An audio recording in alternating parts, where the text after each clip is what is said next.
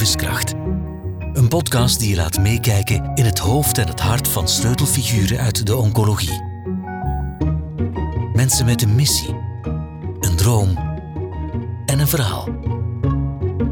Naam? Elke Stienissen, Specialisatie? voorzitter van patiëntenorganisaties. Jaren actief? Sinds 2017. Jouw motto? Mijn motto is dat ik geen motto heb en dat ik eigenlijk gewoon overal en altijd mezelf zou willen zijn.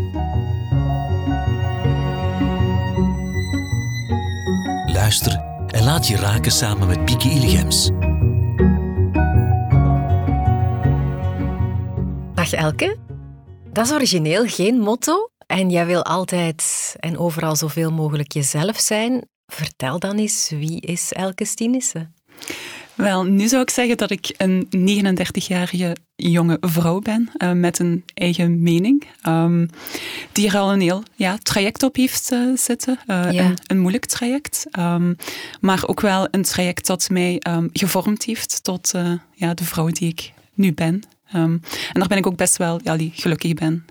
Ja. Eigenlijk, ja. Ja, je bent eh, al enkele jaren in, in remissie van eh lymfeklierkanker. Ja, en dat is, zoals je zegt, eh, geen evident traject geweest. Hè? Misschien moet je eens even de geschiedenis daarvan Ja. vertellen. Ja, wel eigenlijk was het een beetje een, een heel raar verhaal. Ehm, in begin 2014 had ik een aantal rare symptomen en dat begon met alcohol drinken. Dus als ik op stap ging met vriendinnen en wij dronken een glaasje, een glaasje cava, dan had ik echt meteen zo een heel raar gevoel in mijn lichaam. Maar zo heel ongemakkelijk, een pijntje.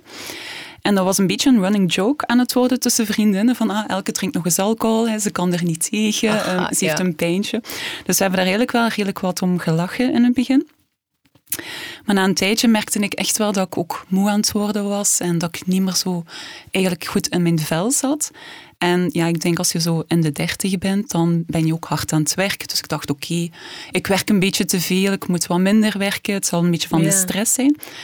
Ehm, en dan op een bepaald moment ben ik eigenlijk een hoestje beginnen te krijgen. Maar echt iedere dag begon ik te hoesten.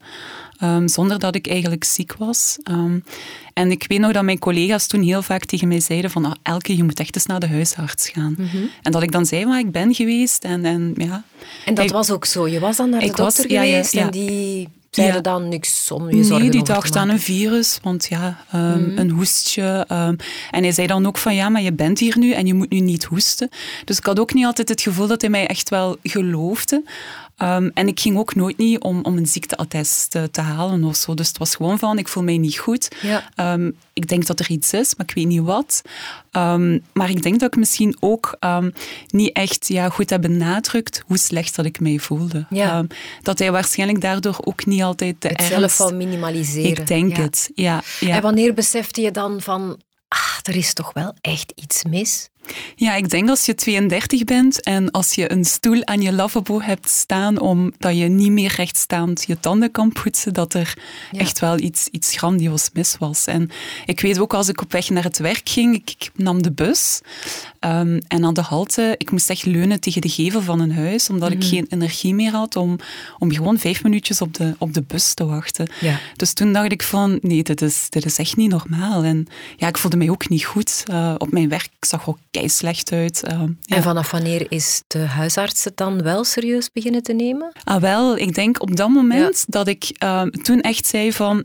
Nu moet je echt mijn bloed opnieuw laten testen.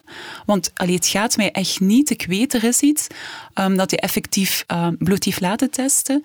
Dat hij toen zag dat die bloedwaarden nog altijd ehm, heel slecht waren. Want een half jaar daarvoor had hij dat ook gezien. Ehm, maar ja, als een virus is, moet dat na een maandje of zo beter zijn. En toen had hij wel zoiets van, oké, er is iets aan de hand. En je zegt dat je hoest, dus ik ga toch je doorsturen eh, om een foto van je longen te laten nemen. Ja. En ja, dan ben ik echt meteen ehm, daar naartoe gegaan, naar de radioloog. En ik weet, ehm, nadat ze de foto genomen had, zat ik in de wachtzaal. En ik hoorde haar bellen met mijn huisarts. En ik hoorde haar zo zeggen van, goh, ze is nog zo jong. En toen dacht ik van, oei, shit, dit is niet, niet goed. Nee. Ja. Maar heb je dan uitleg gevraagd of heeft Ja. iemand dan een diagnose gegeven of nog niet? Nog Ik heb toen niet? Uitleg aan haar gevraagd en zij zei van, uh, je kan nu meteen naar je huisarts gaan. En je huisarts zal alles uitleggen. Dus ik ben toen met mijn fiets teruggegaan uh, naar de huisarts. En toen ik in de consultatie zat, toen zei hij zoiets heel raars, omdat ik had daar niet echt een band mee met mijn huisarts, omdat ik die niet zo goed kende. En toen zei hij van, mag ik uw handen eventjes? En ik dacht, ja, wat moet ik nu doen? En ja, omdat ik nogal gehoorzaam naar dokters toen, uh, toen dacht ik, ik zal dat maar doen. En ik weet nog dat hij mijn handen toen vastnam en ik vond dat heel ongemakkelijk, omdat ik ook niet zo'n mega fysisch persoon ben. En toen zei hij echt van, ik denk dat hij zei dat ik kanker heb. Ik, herinner mij dat niet meer zo heel goed.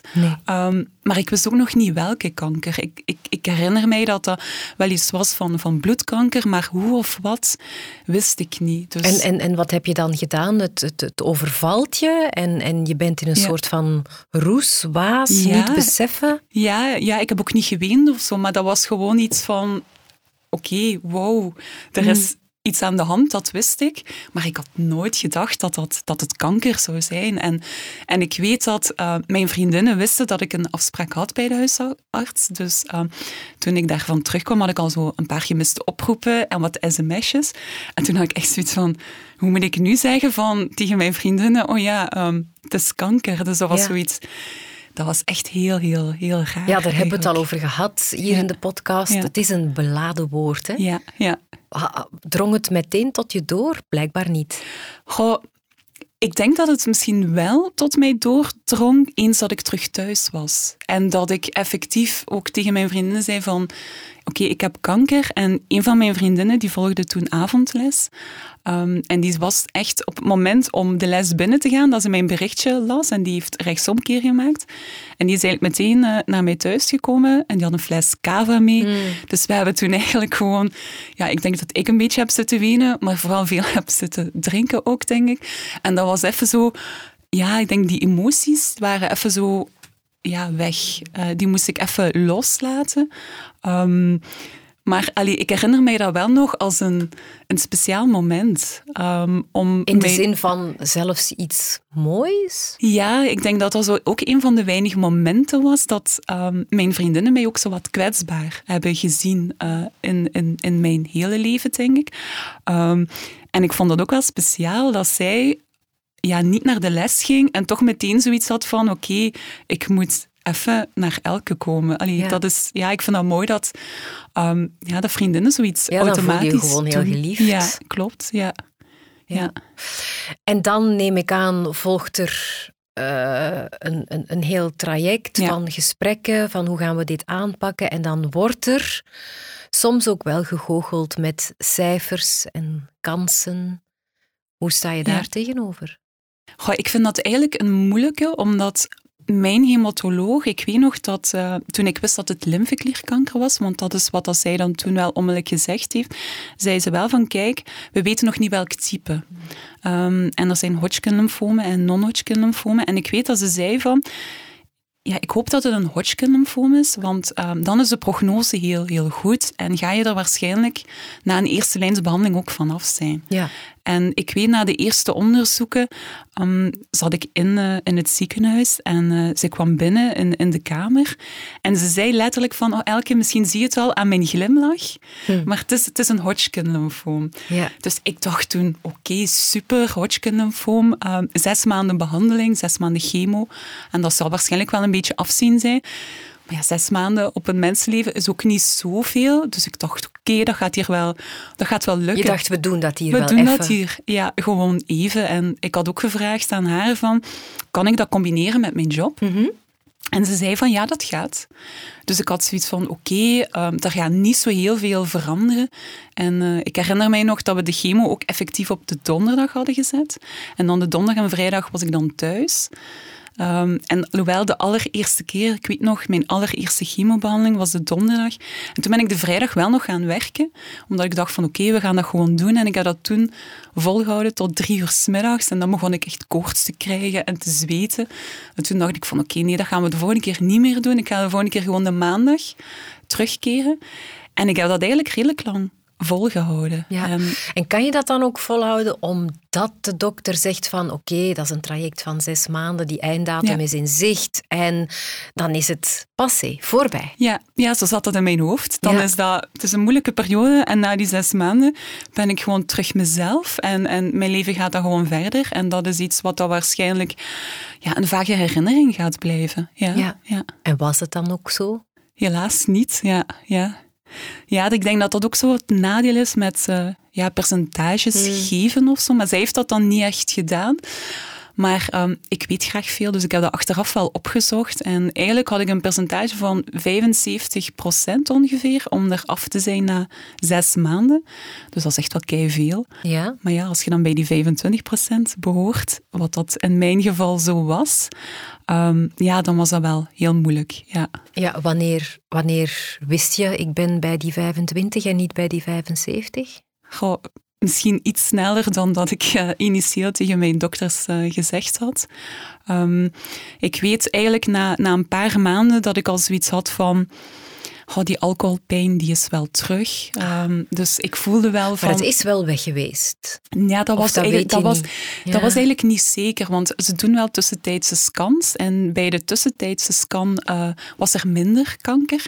En op de allerlaatste scan na de behandeling ehm, zagen ze iets, maar men wist niet wat. Ehm, en het konden ook ontstekingen zijn. En mijn hematoloog zei toen wel van, er is iets, maar we denken dat het ontstekingen zijn. Ehm, en we, we zullen zien. Ehm, En nam je daar vrede mee met die uitleg of was er dan in je hoofd toch een stemmetje dat zei... "Mm, Ja, ik had gewoon zoiets van, ik kan daar nu toch niets aan doen. Nee. Ehm, en ik weet nog, er was ook een, een heel groot project geweest op het werk. En effectief na die consultatie eh, waren mijn collega's ook op restaurant. En ik ben dan daarna nog bijgegaan en we hebben dan effectief nog een aperitief gedronken. En ik had toen wel echt gezegd van, oké, alles is wel, alles is goed. Ehm, omdat ja, het heeft ook niet veel zin om daarover na te denken. En ik ben sowieso niet echt een mega angstig persoon. Dus ik had zoiets van, we zullen, we zullen wel zien. Ehm, Ja. Maar ja, na een tijdje merkte ik van oké, ehm, er is hier wel iets. En ja, dat is dan een beetje aan mij, denk ik, dat ik dat echt zeker wil weten vooraleer ik terug naar een dokter ga om te zeggen van oké, ik ben hervallen. En het was ook zo de zomermaanden en juli is ook altijd mijn verlofmaand, Gentse feesten. Dus ik dacht van, oh, ik ga nog een beetje genieten, want stel je voor dat ik nu al naar de dokter ga en het is Dan terug. is het er weer, de realiteit. Ja, en dan Ja. kan ik niet naar die Gentse feesten gaan. Dus ik dacht, nog even wachten, nog even wachten. Dus ik denk wel dat ik anderhalve maand even nog voor mezelf heb genomen, vooraleer dat ik zo terug naar de huisdokter zei van, ja, het is terug, ik weet het. Ehm, ja. Ja. Maar dan heb je de stap wel gezet. ja, omdat het, ik voelde ook weer, ik was weer terug aan het hoesten, dus ik voelde dat ik mij niet goed ging voelen. Ehm, dus als je je ook niet goed voelt, ja, dan wil je je beter voelen. Hè? Dus eh, ja. Mhm. Heb jij het gevoel dat jij zelf mee een beetje aan het stuur zat van de manier waarop je behandeld werd? Ehm, in het begin niet. Hè, Want je zegt, Ja. ik, ik vond het belangrijk om nog te Ja. kunnen werken. Is dat ook eh, realistisch gebleken en is dat ook ge, ge, ge- ja, gewaardeerd in de behandeling? Ja, ik, in de tweede lijnsbehandeling weet ik nog dat, ehm, dat ik dezelfde vraag gesteld had Mhm. aan mijn dokter. En dat mijn dokter toen zei van... Goh, Elke, nee, nu gaat dat echt niet lukken bij deze behandeling. En ik weet, ik was, ik was echt een beetje kwaad. Want ik dacht Mhm. van, allee, ik wil werken, laat mij werken. En een beetje raar, maar zo ben ik dan wel. Ik heb toen zo nog een mailtje gestuurd naar het kabinet van eh, de minister van Volksgezondheid. Dat was toen Magie de Blok. Ja. Om echt zo te zeggen van, allee, ik moet nu keizware chemo krijgen en ik kan niet werken. En er is een andere therapie, een doelgerichte therapie. Waarom krijg ik die niet? Want dan kan ik wel werken. En zoals altijd bij de politiek krijg je daar niet echt zo'n bevredigend eh, antwoord op. Maar ik herinner mij nog dat ik echt kwaad was. Dat ik dacht van, maar ik wil werken. Ik wil niet drie, vier maanden thuis zijn en, en ziek zijn. En Allee, ja, mijn dokter had echt gelijk. Eh, die behandeling was echt enorm zwaar. Ja. Ehm, dus ik kon ook echt niet, eh, niet werken Nee. toen. Ja, Heeft dat je vertrouwen in de artsen versterkt? Ja ik, ik had een heel goede, goede band met mijn hematologe wel. Ehm, omdat ik wel het gevoel had dat zij altijd eerlijk was. Ja. En wat zij zei, dat kwam uit. Als ze zei van je kan werken, dan kon ik dat ook. En zei ze van nee, Elke, allee, maak je geen illusies, nu gaat dat niet, dan klopte dat ook wel. Ja. Ja, dat geeft wel vertrouwen. ja enorm. Ja. ja. Je bent op een gegeven moment eh, ook zelf heel veel beginnen opzoeken. Het, Ja. het heft zelf wat in handen nemen van ik wil het niet alleen maar overlaten aan de dokters en aan anderen. Ehm, werd daar, dat door de artsen zomaar eh, gewaardeerd? Ja, door mijn neonatologen wel, denk Ja. ik. Ja, omdat ja, ik had zo het gevoel om alleen te zijn, want Hodgkin is echt een heel zeldzame ziekte in België. En als je dan niet geneest na een eerste lijnsbehandeling, dan is dat nog zeldzamer. Dus ik kende niemand in België die zo hè, hetzelfde gevoel had. Ehm, dus ik had zoiets van, oei, ga ik nu nog wel genezen? Zijn er nog mensen die dat ook hebben? En ik ben dan echt zo op Facebookgroepen internationaal eh, gaan beginnen kijken. En ik, ik heb toen echt een, een Facebook gevonden van meer dan 6000 eh, patiënten die in mijn situatie zaten. Ja, Dus dan heb je niet meer het oh, gevoel, ik ben alleen. Ja, en ik dacht, oh, die leven ook nog allemaal, Ja. weet je. Eh, super, dat, allee, dat gaf mij wel zo de voldoening ook van, oké, ik heb nu het heft een beetje in eigen handen aan het nemen, want ja, ik moet ergens steun vinden. En ik vind die niet in België. En ik heb daar echt enorm veel aan gehad, eh, Ja. aan andere lotgenoten. Ja. Dat, dat heeft je dan wellicht ook aangezet, daar zullen we het straks Ja. over hebben, om, om je in te zetten voor, voor eh, patiëntenverenigingen. Ja. Eh, maar eerst nog even naar dat zelf, het heft in handen Hm. nemen. Ja, je bent dan ook zelf naar je dokters gestapt met een, een, een soort van experimentele behandeling. Of experimenteel is misschien niet het juiste Hm. woord, maar in ieder geval een behandeling die hier niet gangbaar was. Ja, dat klopt. En, en dat was eigenlijk al een beetje een latere fase. Toen had ik eigenlijk ja, al, al een mislukte stamceltransplantatie er had op zitten. En ik had toen eigenlijk een, een immunotherapie die ze mij eh, gegeven hadden. En, en dat was vrij gangbaar. Ehm, maar het probleem daarmee was, en, en ik wist dat eigenlijk op voorhand, dat heel weinig mensen daarvan genezen. En ik wist van Amerikaanse lotgenoten ehm, dat zij vaak combinatietherapieën deden. Dus en immunotherapie en chemotherapie. Ehm, dus ik ben toen naar mijn arts gegaan. En professor Kerze was hier eh, een tijdje geleden ook. En ik heb toen echt aan haar gevraagd van... Kan dat? Kan ik die chemotherapie krijgen bij mijn immunotherapie? En zij heeft toen gezegd van oké, ik zal dat onderzoeken. En dan een tijdje later heeft ze mij gebeld. En ze zei van oké, dat gaat. En ehm, we hebben dat toen echt... Ja, dat was heel raar, want ik ging dan terug naar mijn ander ziekenhuis en mijn andere hematoloog. En ik was nog echt van... Ja, ik dacht echt dat ik nog gewoon die immunotherapie ging krijgen. En ze zeiden van oké, het kan al meteen vandaag, meteen chemo erbij. Dus ik had zoiets van oké, ja, doe maar. Eh, wat dan niet zo'n goed idee was, want ik was vergeten hoe slecht ik mij voel van, van chemo. Maar eh, eigenlijk, ik denk, eh, de eerste scan na één combinatiebehandeling bleek ik een remissie te zijn. En dat was echt drie jaar na mijn diagnose en drie jaar continu behandeling.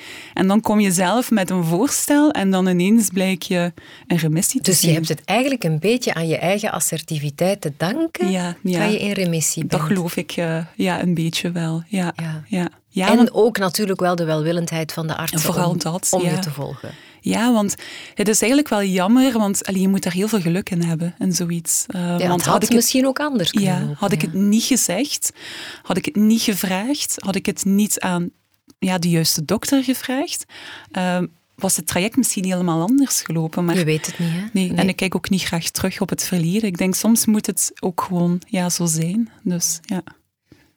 Ik heb wel het gevoel dat je ehm, op het, nu veel assertiever bent Ja. als, als patiënten, als mens, eh, dan helemaal in het begin van Ja, je, van je ziekte. Heb je zelf dat gevoel ook dat je geëvolueerd bent, dat je veranderd bent als mens, als persoon? Wel, misschien niet zo veranderd als persoon. Ik denk, ehm, ik heb het er met vriendinnen wel vaak over gehad, van, hè, ben ik veranderd? En eigenlijk zeiden ze van, nee, je bent niet veranderd. Maar ik weet, ehm, voordat ik dertig was, was ik, ja, toen ben ik wel veranderd. Ik was verloofd en op een bepaald moment dacht ik van, goh, ik ben eigenlijk mezelf een beetje kwijt. Ik ben niet echt tevreden met wie ik was. En ik heb toen echt zo de moeilijke keuze gemaakt om, om ja, die verloving te verbreken en om effectief alleen te gaan wonen in een stad die ook voor mij nieuw was, omdat ik daar eigenlijk naartoe was gegaan voor uh, mijn toenmalige partner. En ik ben toen veranderd. Ik ben toen eigenlijk terug de persoon geworden die ik altijd het gevoel had van die kiempjes, die heb ik in mij. Maar die waren, dat was ik bijna een beetje kwijt, denk ik, gedurende een aantal jaren. En door effectief weer terug zelfstandig te zijn, had ik mezelf teruggevonden. Dus ik denk, als er al een juist moment is voor een kankerdiagnose, was dat voor mij toen wel het ideale moment. Omdat ik toen weer terug mezelf gevonden had. Dus ik Mhm. was daar toen klaar voor. Ehm, dus ja, denk dat ik me echt niet kan herinneren, mocht ik die diagnose drie jaar daarvoor gehad hebben, zou dat echt een heel ander ja, traject ook geweest zijn. Ja. ja. Dus in zekere zin is het ook een super leerzame ervaring. Ja, het is, Hoe cru het ook is en ja, hoe hard en hoe ja, moeilijk het ook ja, is. dat klopt. Ja, je leert er echt enorm uit. En ook als patiënt denk ik dat ik echt gegroeid ben. Want ik weet, eh, een jaar geleden met mijn eh, eerste hematoloog had ik een consultatie. En het was, eh, ja, ik wou haar bedanken voor heel het traject. En we keken zo'n beetje terug op, op het verleden. En ze zei echt tegen mij van, goh, Elke, weet je, in het begin waren we toch wel een beetje ongerust hier in het ziekenhuis. Want ja, je, je zei niet zoveel. En, en toen zei ze wel van, goh, maar we, ik merkte wel zo na een tijdje dat als het niet ging, dat je het dan ook wel aangaf. En dan gaf dat toch wel een beetje een, een geruststelling van, goh, ze zal het wel laten weten als ze het moeilijk heeft. En, Ja. en ik, ik denk wel dat dat zo is. Ik ben zo iemand, ik ben niet de meest open persoon van in het begin. Dus ja, als ik naar de behandeling ging, was dat gewoon even mijn, mijn eh, mouwtjes oprollen hè, voor het infuus. En ja, ik zat in een andere wereld. Ik, ik praatte niet veel met de verpleegkundige. Ik dacht gewoon van, ik zit hier even, dan ga ik naar huis, dan ben ik een paar dagen ziek. En dan maandag begint het werk weer en, en mijn normale leven. Eigenlijk een heel rationele benadering. hè? Ja, maar ik ben ook wel vrij eh, rationeel. Allee, denk ik toch. Ja. Is dat ook een beetje bang zijn van de emoties? Ehm, ik weet niet of dat, dat bang zijn is van de emoties, maar misschien eerder ehm, emoties niet toelaten. Ik denk dat het vooral, vooral dat is. Mhm. En, ja. en doe je dat nu al wat meer? Ben je daar ook in veranderd Eh, of blijft dat... ja, dat blijft wel moeilijk, Ja. denk ik. Ja. ja, want ik heb daar met vriendinnen vaak over gehad. En, en ik weet dat een vriendin zo tegen mij zei van... Dat ik ja, soms best wel raar ben, dat ik zo echt wel iets kan vertellen, maar dat ik dan ineens ja, een klik kan maken om dan gewoon te zeggen van en hoe gaat het met u? En dat ik dan zo hè, weer ja, ook een vriendin wil zijn. Want ik vind dat Ja. belangrijk. En Ja. zeker als je zo lang ziek bent. Hè. Je, Ja. je wil zelf ook nog een meerwaarde zijn voor, voor je vriendinnen. en Daar hebben we het eh, zeker ook al over gehad, ehm, dat artsen dat ook heel belangrijk vinden van een patiënt. ehm, niet alleen maar als patiënt en te identificeren met de ziekte, maar als mens in zijn geheel, met een verhaal, met een geschiedenis, met een leven. Ja. Ja. Ja, dat klopt. Want allee, ik weet zo, een vriendin die had een relatiebreuk. En toen zei ik ook van, weet je, kom maar af en ik kook wat. En ik had toen echt zo het gevoel van, oh, ik kan ook nog een goede vriendin zijn, weet je. Ja. Ondanks dat ik ziek ben. Ehm, dus ik vond dat ook wel belangrijk, ehm, dat ik meer was dan patiënt. Mhm. Ja, ja. Ja. Is dat ook iets ehm, wat je via je werk bij patiëntenverenigingen wil meegeven? Ja, ehm, Want kom voor jezelf op. ja het is, het is- dat is eigenlijk de reden dat ik Ja, bij patiënten... denk niet alleen maar, ik ben ja. mijn ziekte, Ja. maar ik ben meer dan dat. Ja, en vooral ik denk, en dat vind ik belangrijk, ehm, dat je goed geïnformeerd bent. Mhm. Omdat ik denk dat dat de sleutel is om de controle te behouden, ook over je leven. Ehm, dus dat is eigenlijk een beetje het doel waarin waarom dat ik in, in een patiëntenvereniging zit. Mhm. Ik wil eigenlijk alleen maar de patiënten die het willen natuurlijk, maar patiënten die echt informatie willen, daarvoor wil ik dat ze die ook vinden. Ik zou het Ja. echt zo jammer vinden dat ze op zoek zijn en niets vinden. Nee, Ja. maar dokter Google heeft wel een slechte reputatie. Hè? Ja, ik vind dat is iets anders. Ja, ik vind dokter Google best wel oké hoor. Ja. Ja. Ja, Ik denk als je een beetje verstandig bent, dan weet je ook via dokter Google op de juiste informatiekanalen te komen. Dus ehm, ik denk dat dokter Google soms onterecht een slechte reputatie heeft, want het heeft mij effectief wel echt geholpen ehm, Ja, ja. Veel dingen op te zoeken. Het heeft misschien wel Ja. je, leven gered. Ja, ja, onder andere. Ja. Ja. Ja. Je hebt ehm, drie verschillende hematologen, dat klopt, dat hè? klopt, Ja. ja. Is er een groot verschil? Vulden ze elkaar aan? Ehm, Ja, had je dat ze alle drie nodig? Ik had ze alle drie nodig, omdat ze zo, zo verschillend zijn. Ja, ja. En ik denk, dat is ook niet altijd evident, om- omdat artsen hebben heel veel patiënten, ook met allemaal een verschillend Mhm. karakter. Maar als patiënt, als je verschillende dokters hebt, ook met allemaal een ander karakter, moet je je ook een beetje aanpassen als patiënt. En ik was mijn eerste hematoloog. Echt gewoon. En, en dat klikte en die begreep mij. En als ik iets zei van, hè, ik ben er vallen, um, of dat ik zei van, ik voel echt hè, dat, dat het niet werkt, dan geloofde die mij en, mm en dan handelden ze daarnaar. Dus dat werkte. En dan kwam ik bij andere hematologen terecht met een heel andere, ja, ander karakter, denk ik. Um, maar ze waren zo um, complementair dat ik, ze, dat ik ze nodig had. En mm ik denk um, dat ik daar wel een beetje gelukkig om ben ook. Stiekem, ik heb dat ook niet altijd gezegd natuurlijk. Maar ik heb soms wel het gevoel gehad dat ik uh, tegen mezelf beschermd moest Hoezo? worden. Ja, ik ben altijd zo ja, de persoon geweest van, weet je, um, doe maar normaal, want ja, dat is al gek genoeg, weet je. Ja, blijven werken, ook al ging dat niet altijd even goed. Ik dacht van, ja, dat moet gewoon, ik wil dat, uh, ik wil een normaal leven. En ik denk dat mijn, mijn eerste hematoloog ook altijd zoiets had van, weet je, Elke, doe maar. En op een bepaald moment na mijn stamceltransplantatie um, ging dat ook echt gewoon niet meer. En toen dacht ik van, ik wil echt gaan werken, maar eigenlijk hoor ik wel ergens zo'n stemmetje die eigenlijk zegt van, goh, nee. En ik heb, en ik weet dat nog goed, ik had drie hematologen waaraan dat ik dat kon vragen van, hè, geef mij de toestemming om terug te gaan werken. En ik heb toen effectief de hematoloog gekozen hm. waarvan ik dacht... Die gaat mij toestemming geven. Die gaat mij geen toestemming ah. geven. Ja. Ja, omdat ik echt... Als, ik wist eigenlijk op voorhand, het is een slecht idee. En ik moet misschien nu een dokter hebben die even zegt van, mevrouw Stienissen, nee, dit, dit gaat niet. Ja. Het is geen teken van zwakte om ja. ziek te zijn en eventjes niet te werken. En om te zeggen dat het niet meer gaat. Maar en makkelijker om het dan van iemand anders te horen, denk ik, dan om zelf de beslissing te maken van, goh, het gaat niet. Ja. En ze heeft dat ook toen echt duidelijk gezegd van, nee mevrouw Stienissen, uh, werken, nee, dat, dat, gaan, we dat, niet dat doen. gaan we niet doen. Nee. En ik weet dat ik toen eigenlijk een beetje kwaad was. Ik weet nog met naar huis te gaan, dat ik echt zoiets had van, allee, ik wil ik nu werken. Terwijl er toch een stemmetje was die Mm. wist van, Je wist eigenlijk ik wel wist beter. dat ik daar niet klaar voor was. En ik denk een maand later heb ik ook een, ben ik mega gecrashed ook. En toen dacht ik echt zoiets van, oh, stel je voor dat ik nu aan het werk was. Um, Ja. Ja. Vertel eens, hoe, in welke zin mega gecrashed? Wel, ja, het, het nadeel ook zo van veel contact hebben met patiënten, is dat je ja, soms ook wel... Allee, bevriend is een groot woord, maar allee, je hebt een nauw contact. En ik had uh, contact met een Australische uh, lotgenote met dezelfde diagnose als ik. En ik had er een beetje een band mee, omdat wij alle twee zoiets hadden van, oh, we gaan geen allogene stamceltransplantatie uh, doen, uh, want dat is een veel te zware behandeling en we gaan dat toch niet doen voor een stom Hodgkin-lymfoom. Uh, dat is, allee, weet je, dat is zoals met een kanon op een mug schieten. Bondgenoot in het verzet. Ja, zo ja. was het, zo voelde het ook. En ja, kijk, ik was dan overstag gegaan op, op een bepaald moment. En zij ook. En um, ja, we hebben daar toen nog veel via Messenger over gechat. En allee, zij had dan een testament laten opmaken voor die behandeling. Ik had dat ook gedaan. Hmm. Um, dus allee, ja, het was wel dat je ergens wel zo voelde van, we begrijpen elkaar wel. Mm -hmm. En, en allee, toen als zij haar stamceltransplantatie had ondergaan, um, mocht ze eigenlijk al vrij vroeg na een paar weken naar huis gaan.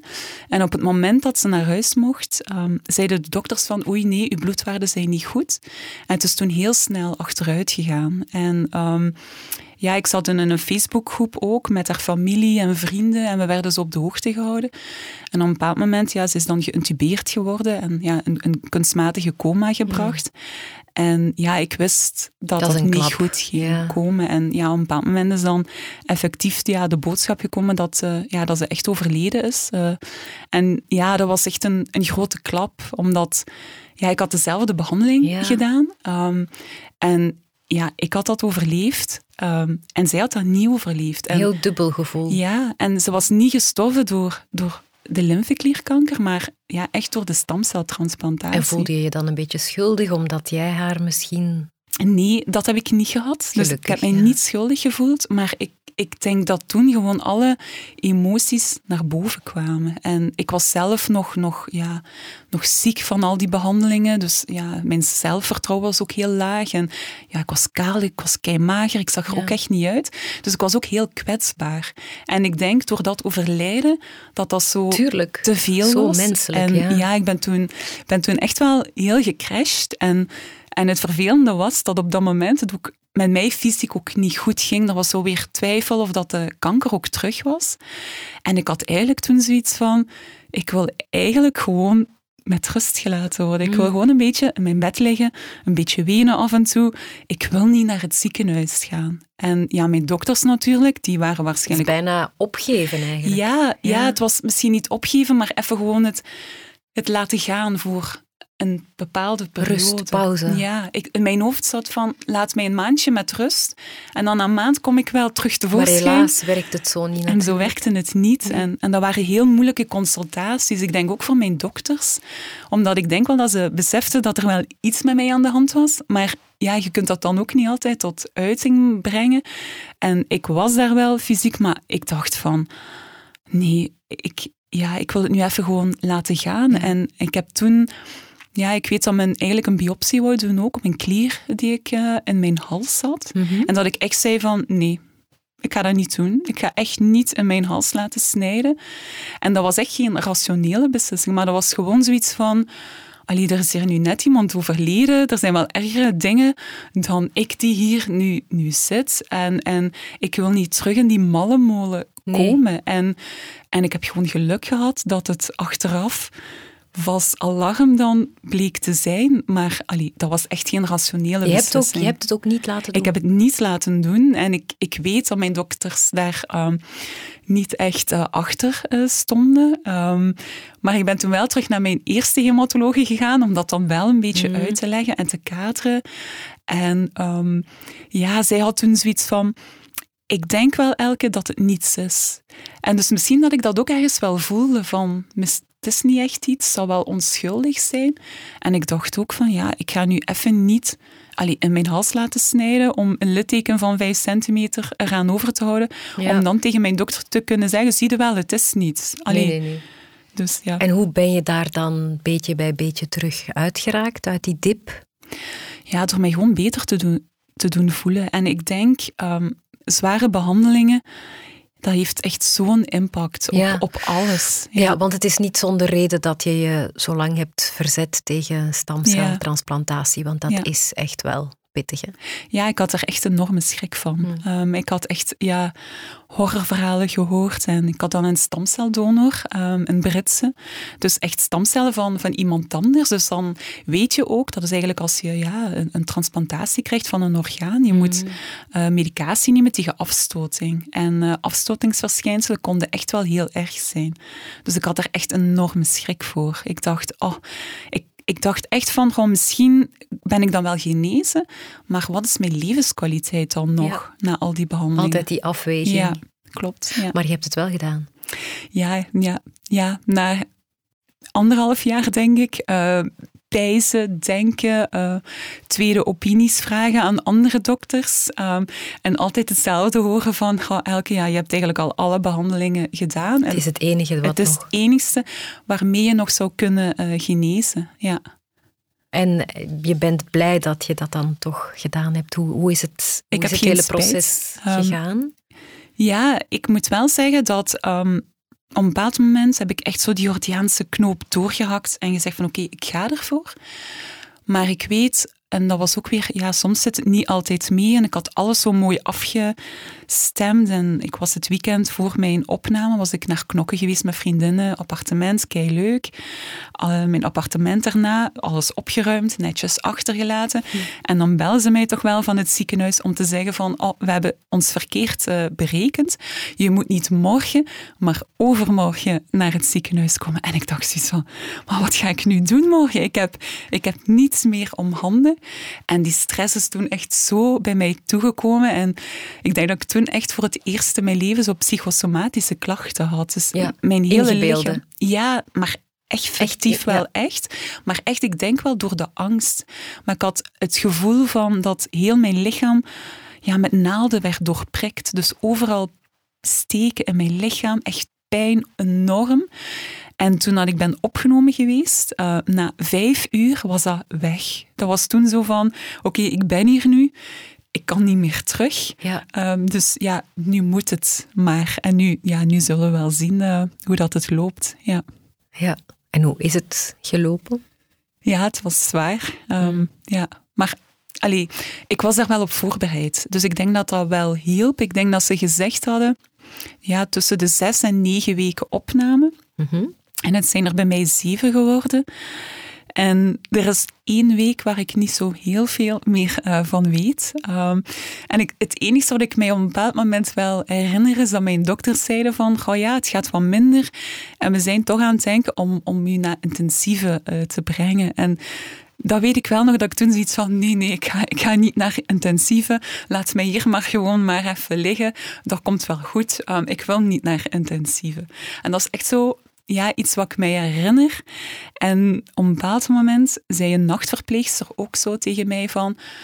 Oh, oh, nu, gaat het, nu gaat het precies al wat beter. Want oh, het ging toch echt wel slecht met u. En ja, ik denk op het moment zelf... Ja, je ligt daar gewoon en, en je krijgt ja, wat morfine. Ja, wat denk je als iemand zoiets zegt? Ik had toen zoiets van, wow, is, ja, ja, dat was toen pas het besef dat het slecht ging, denk Ja. ik. Ik denk dat ik ja, in die periode dat het slecht ging, was ik ook weer ergens anders.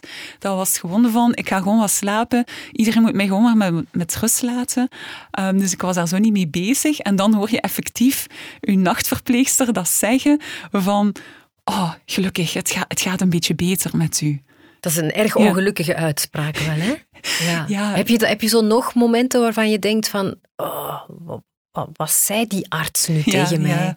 ja, ik heb wel een paar keer zo'n momenten gehad. Ja, ja. Kan je een voorbeeld geven? Uh... Ik, vind, ik vind dat moeilijk, omdat ja, ik denk dat alles heeft een context. En, Mm. en ik denk vaak dat artsen er niet bij stilstaan dat wat ze zeggen, ja, welke impact dat dat Ja. heeft. Ze doen wel ontzettend veel moeite. Ja, klopt. Dat heb ik toch geleerd eh, tijdens Ja. deze gesprekken. Ja. Om, ja, om, om, om respect te hebben voor hun Mhm. patiënten, om de mens te zien en om communicatie zo Mhm. goed mogelijk te houden. Hè? Ja, en, en dat merk je ook. En je merkt ook dat de, de ene arts beter is dan de andere. En ik denk het vervelende gewoon is, en ik denk dat iedere persoon zich daar wel in herkent. Dus als je, als je ziek bent of, of je hebt de griep en je bent moe, je slaapt niet goed, je hebt wat pijntjes en er gebeurt iets dat je toch altijd iets emotioneel gaat Mhm. reageren. Dus als je dan en ziek bent en een mega zware behandeling gehad hebt, oh, je moet niet veel hebben om effectief ja, mega ja, je verslagen te voelen. En ik heb Mhm. dat echt gehad. En er zijn echt momenten geweest ehm, dat ik ehm, ja, mijn eh, psycholoog gecontacteerd heb, telkens in de buurt van een consultatie met, met mijn artsen, omdat ik wist dat de impact van die gesprekken dat dat zo groot ging zijn, dat ik daar ja, helemaal van was aangedaan. En, Ja. en, en ja, ik denk dat ik heel kwetsbaar was toen ik ziek was. Ehm, en ik heb dat ook nooit niet laten tonen. En ik denk dat dat misschien ook weer energie heeft gekost. Ja, ja, ja. Ehm, dus ik ben wel blij dat ah, ik zo'n goede oncopsychologe had eigenlijk, waar dat ik echt wel een klik mee had, waarbij ik zo even mijn hart kon luchten, ehm, die effectief volgens mij ook veel te veel van mij weet ondertussen. Hm. Een van de weinigen dan. Maar ja, dat was, dat was wel belangrijk. Ja, lijkt ja. me essentieel om zo iemand te hebben. Ja, klopt. Ja, ik denk dat ik nog nooit zoveel frustraties gehad heb als, als na mijn stamceltransplantaties. Dat is, Hoezo? eh, ja, ik denk, als je 's ochtends opstaat en je ziet in de spiegel iemand waarvan dat je denkt van, goh, ben ik dat nu? Ehm, ja, dat, dat, dat helpt niet om, om, om jezelf zeker te voelen, om eh, moeilijke gesprekken aan te gaan. Ehm, ja, je bent echt zo kwetsbaar. Ehm, als je je niet goed voelt en je ziet ook dat je er niet goed uitziet, ehm, ja, het is, het, is, het is een heel kwetsbare periode Ja. en ja, niet makkelijk. Wat waren de dingen die je eh, moed en hoop gaven? Dat het beter zou worden. Ik denk dat ik wist... Geloven. Ja, ik Ja. geloofde echt van... op een bepaald moment ga ik mij beter voelen, mijn haar gaat teruggroeien, um, ik ga weer uh, wat kilootjes bijkomen, um, ik ga weer eens met vriendinnen kunnen afspreken. Um, ik denk dat het dat eigenlijk vooral was. En mm. vanaf het moment dat je ziet van, oké, okay, er is weer terug wat haar, dat je ziet van oké, okay, ik herken me terug al een beetje, krijg je weer wat meer zelfvertrouwen en, en dat helpt echt, ja. echt enorm. Ja. ja. Waarom um, is je werk bij de patiëntenverenigingen zo belangrijk voor jou? Ja, het is moeilijk, denk ik, om dat te zeggen, omdat ja, vrijwilligerswerk op zich, het is uh, altruïstisch, maar het heeft ook altijd zo'n egoïstisch kantje, vind ik. Omdat eigenlijk doe je dat omdat je er zelf ook iets uithaalt. Mm um, en voor mij is dat wel omdat ik daar um, energie van krijg. Ja. Zo het gevoel van ik weet dat ik voor sommige patiënten echt wel nuttig ben geweest. Ik word als ervaringsdeskundige ja, echt. Hè? En als hoop ook. Want ja, heb maar eens een België, Hodgkin. Um, en ja, vind maar eens niemand die hè, ook uh, niet genezen is na een eerste lijnsbehandeling. Maar kijk, dan ben ik er. En dan kan ik zeggen, kijk eens wat ik al allemaal gehad heb. Ja. En ik ben er nog. En allee, kijk, ik zie er hè, nog redelijk uit. Uh, weet je, er is echt wel hoop. Um, en ik denk dat dat ja, sommige patiënten ook wel helpt. En ook omdat zij weten dat ik ook best wel wat informatie heb en dat ik hen ook wat advies kan geven. En dan zeg ik wel, misschien moet je dat eens aan uw arts vragen. Uh, of heb je dit al gevraagd? Um, ja. Dus dat geeft dan ook wel een beetje zo wat een geruststelling van, oké, er is hier nog iemand en um, ja, die steunt mij. Ja. Um, Waarom ben je er eigenlijk mee begonnen? met je in te zetten voor uh, ja, Toeval. Mijn leven is een aaneenschakeling van, van toeval, denk ik. Ja, ik herinner mij eigenlijk gewoon dat ik op een bepaald moment in de Facebookgroep van een Vlaamse patiëntenorganisatie ben terechtgekomen. En dat ik toen echt zoiets had van, oeh, is het dat maar? Um, en ik heb dan, zoals ik wel ben, daar zo wat raar op gereageerd op een berichtje van goh, misschien moeten jullie eens dit doen of ah, misschien moeten jullie dat doen. Ik kan dat hier beter. Ja, zo leek het dan wel. En ik heb toen het geluk gehad dat de ondervoorzitter dat gelezen had en dat hij mij eigenlijk gewoon meteen ja, gevraagd heeft van mag ik u eens bellen? Ja. En ik ben dan ook wel de persoon van, als ik dan zeg van ik kan het beter, ja, dan wil ik dat ook wel doen. Weet ik ben Bewijzen, niet, ja. ja. Ik ben niet zo degene die kritiek geeft, uh, maar allee, het is opbouwende kritiek en ik wil dan ook wel helpen om het, om het beter te doen. Dus ze hebben toen gewoon gevraagd van, ja Elke, misschien moet jij het dan doen. En dan dacht ik van, ah wel, ja, misschien moet ik dat doen. Ja. ja. En zo en, ben ik daarin gerold. En dat geeft je ook houvast nu? Um, ik weet niet of dat aan mij houvast geeft. Um, ik denk dat het, het is een passie op zich mm. al aan het worden, denk ik. Um, omdat ik echt wel het gevoel heb van, oh, er is nog zoveel te doen in Vlaanderen dan om, ja, om patiënten beter te ondersteunen. En um, het is niet altijd evident, want ja, soms word je ook gecontacteerd terwijl dat je in het ziekenhuis lag. Want ik heb ook al berichten gehad toen ik ja, mijn stamceltransplantatie net gehad had en kei ziek was. Maar ja, patiënten weten dat natuurlijk niet. En dan soms denk je wel van oké, dit is een zwaar moment om nu er ook Tuurlijk, te zijn voor ja. andere patiënten. Um, maar ja het, is, ja, het is echt een, het is een passie. Ja, het, is, het geeft je dan ja. tegelijk ook wel reden om te vechten, of mag ik het niet vechten noemen? Dat ja, is het, ja, ik heb geen problemen met, met, ja, met vechten. Ik vraag het omdat het hier al wel ter sprake is. Nee, voor mij, ik, ik heb nooit het gevoel gehad dat ik aan het vechten was. Ik had gewoon het gevoel van, ik wil gewoon terug mezelf zijn. Dat was meer voor mij dat in mijn hoofd zat van, ja, ik wil gewoon weer gelukkig zijn. Ik denk dat het dat, het dat was, ja. Ben je ooit kwaad geweest op een soort van onrechtvaardigheid? Waarom overkomt mij dit? Um, nee, toch niet over mijn diagnose. Gelukkig. Het is misschien ja. raar, maar ik denk altijd van, ja, natuurlijk kom ik dat tegen. Weet je, ik heb nooit het gevoel gehad, je hebt mensen die denken van, waarom ik? Ja. Maar ik had eerder al zoiets van, waarom ik niet? Ja. Um, ja, ik heb mij nooit niet ja, speciaal gevoeld of gedacht van, oh, dit kan mij niet overkomen. Dus nee. En ik heb ook nooit niet gedacht van, oh, zou het door dit gekomen zijn of, of door dat? Want allee, je hebt soms patiënten willen, die een oorzaak willen hebben. En ik had zoiets van, ja, dat is gewoon pech. Op Ja, het, ja. het verkeerde moment. Een immuunsysteem dat niet echt goed gewerkt heeft. En, en het is gewoon zo. En of ik daar nu de oorzaak van weet, allee, het maakt ook niet uit. En je Nee. kunt de klok niet terugdraaien. Dus ik ben wel iemand die graag naar de toekomst kijkt. Ja. En weinig terugkijkt op, eh, op wat gebeurd is. En wat is zo advies nummer één dat je geeft aan lotgenoten? Ehm, dat hangt een beetje af van, van het type lotgenoot. Ehm, ik, ik denk dat ik ondertussen ook wel de ervaring heb om te weten ehm, dat niet elke lotgenoot iets aan mij heeft. Omdat ik ben niet de meest ja, emotionele patiënt geweest, denk ik. En ik ben niet de juiste persoon, denk ik, om te zeggen van... Goh, het, komt, het komt zo allemaal wel goed en, en, en oké, het is allemaal moeilijk en ja, vind het maar allemaal erg. En ik ben meer degene die zo wat probeert ja, kracht te geven door informatie te Ja. geven. Ehm, ik denk dat dat mijn sterkte is. Ik denk dat Ja, wij andere Heel realistisch, van Ja. daar sta je voor, maar je komt daar wel Ja. door. En het zal wel moeilijk zijn, Ja. maar je kan moeilijke ja, dingen. Dat. Ja, zo meer dat. Ik Ja. denk dat wij andere vrijwilligers hebben die meer zo het luisterende oor kunnen zijn eh, voor patiënten die echt nood hebben om gewoon eens even te ventileren. En ik denk dat dat mij minder ook, ook ligt. Ja. En als je een advies zou moeten geven aan eh onco-professionals die luisteren naar deze podcast over hoe ze Hm. moeten omgaan met de mensen die ze behandelen, heb je dan een tip voor hen? Ik heb veel tips. Ja.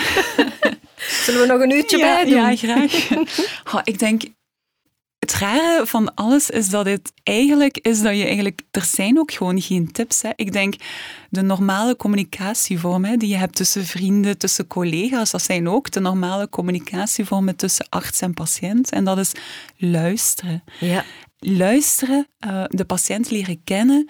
En ik denk, als ik dan toch een tip mag geven, is ehm, geef het gevoel van erkenning. Ja. Als een patiënt iets aankaart, uw eerste reactie als arts moet een gevoel van erkenning zijn. En daarna kan je kritisch bekijken of dat, dat medisch klopt, of, of dat er misschien andere ehm, ja, oorzaken zijn van wat dat die patiënt voelt. Maar wacht daarmee totdat je die patiënt erkend hebt Ja. in het gevoel. Ik denk dat dat zo belangrijk is. Ja. Ja. Super. En heb je ook een advies? Ehm, mensen, kunnen, mensen vinden het heel vaak moeilijk en weten niet wat ze moeten zeggen als iemand in Hm. hun nabije omgeving met zo'n zware diagnose komt als kanker. Hm. Heb je een tip voor ons allemaal? Ja, blijf gewoon jezelf. Ja. Dat is zo belangrijk. Ik denk, ik heb ja, veel geluk gehad met artsen, ehm, met verpleegkundigen, maar ook met mijn vriendinnen. Ze zijn gewoon hetzelfde gebleven. Als ze op stap gingen, dan vroegen ze van elke, zie het zitten? Ehm, om te gaan lunchen vroegen ze mij. Mijn collega's zijn met mij blijven lunchen. Mhm. Ehm, doe gewoon hetzelfde. Doe niet meer moeite, maar doe ook niet minder moeite. Doe gewoon, ja, doe gewoon zoals je Ja. eigenlijk weet van, zo was ik. En ik wil eigenlijk dezelfde persoon zijn Ja. eh, voor die persoon. Ja. Ben je ook mensen verloren die er niet mee om konden, die niet wisten wat ze moesten zeggen? Geen enkele. Wauw. Nee. Ja. Maar ik ben ook niet de persoon met twintig vrienden of zo. Ik, ben, ik heb vijf goede vriendinnen, vrienden. En dat is ook omdat ja, ik dat vroeger ook al belangrijk vond. Ehm, dat als je vriendschappen hebt, dan moeten oprechte vriendschappen zijn. En ik denk dat dat ook het bewijs is dat dat effectief ook zo gebleken is. Ja. Ja. Je hebt al een paar keer gezegd dat je als patiënt wel wat geëvolueerd en veranderd Hm. bent. Ben je ook als mens veranderd? Of is dat hetzelfde? Hè? Ja, ik, ik ben milder geworden, denk Ah, ik. ja. Ik denk dat mededogen iets is ehm, wat ik heb leren, leren kennen. Ja, ik denk echt wel, en dat is misschien wat raar dat ik dat ga zeggen, maar mocht ik effectief genezen zijn na mijn eerste lijnsbehandeling, zou ik echt gedacht hebben van, kanker, dat is allemaal niet zo weg. Dat is, dat is een halfjaartje afzien en dan is dat gepasseerd. En allee, ik begrijp niet dat mensen daar, allee, dat dat zo zwaar kan zijn. Maar doordat ik hè, door omstandigheden in een heel lang kankertraject gezeten heb, heb ik echt wel ja, ook heel diep gezeten. En ik denk soms dat ik die ervaring wel nodig had om, om mij wat meer te kunnen inleven in, in, in ja, wat dat mensen meemaken ook. En mhm. ik denk dat dat wel hetgene is wat dat mij ehm, ja, nu wel is bijgebleven. ja. En ik ben ook een beetje liever geworden, denk ik. Mijn vriendinnen zeggen toch uh, van elke je bent echt veel te lief uh, aan het worden. Dus uh, ja, kijk, mijn sarcastisch kantje Kan je te lief worden? Dat kan niet. Ja, als, je, over je heen laat lopen. Ja, ja ah, wel. Kijk, ja, het heeft gradaties ook. Maar ja... Ik, ik heb het gevoel dat jij wel heel streng bent voor jezelf ook. Ben je ook milder voor jezelf geworden? Daar werk ik aan, denk hm. ik. Ja, ja.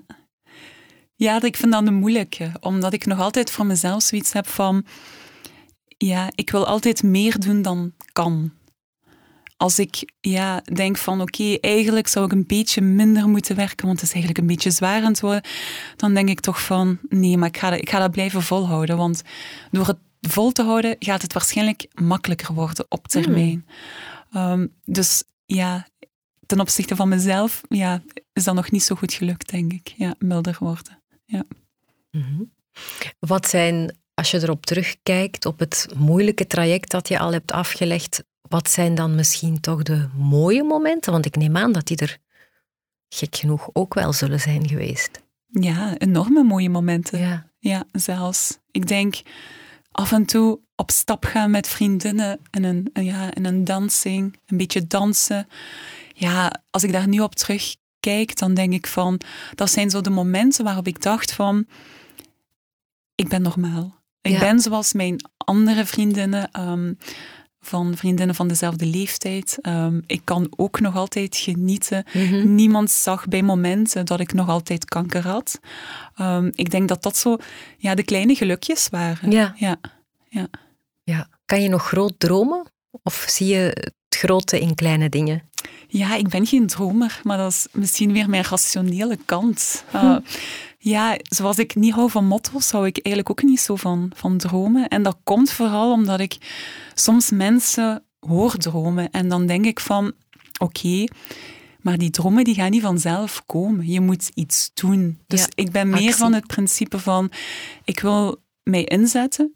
En ik heb daar misschien wel min of meer een doel voor ogen, maar het is geen droom. Ik wil nu gewoon ja, echt mijn, mijn stinkende best doen om, om ja, veel te doen voor patiënten. En dan zien we wel ehm, wat dat, dat wordt. Ehm, maar ik denk, ja, alles komt terug op, op ja, zelf iets, iets verwezenlijken. ja.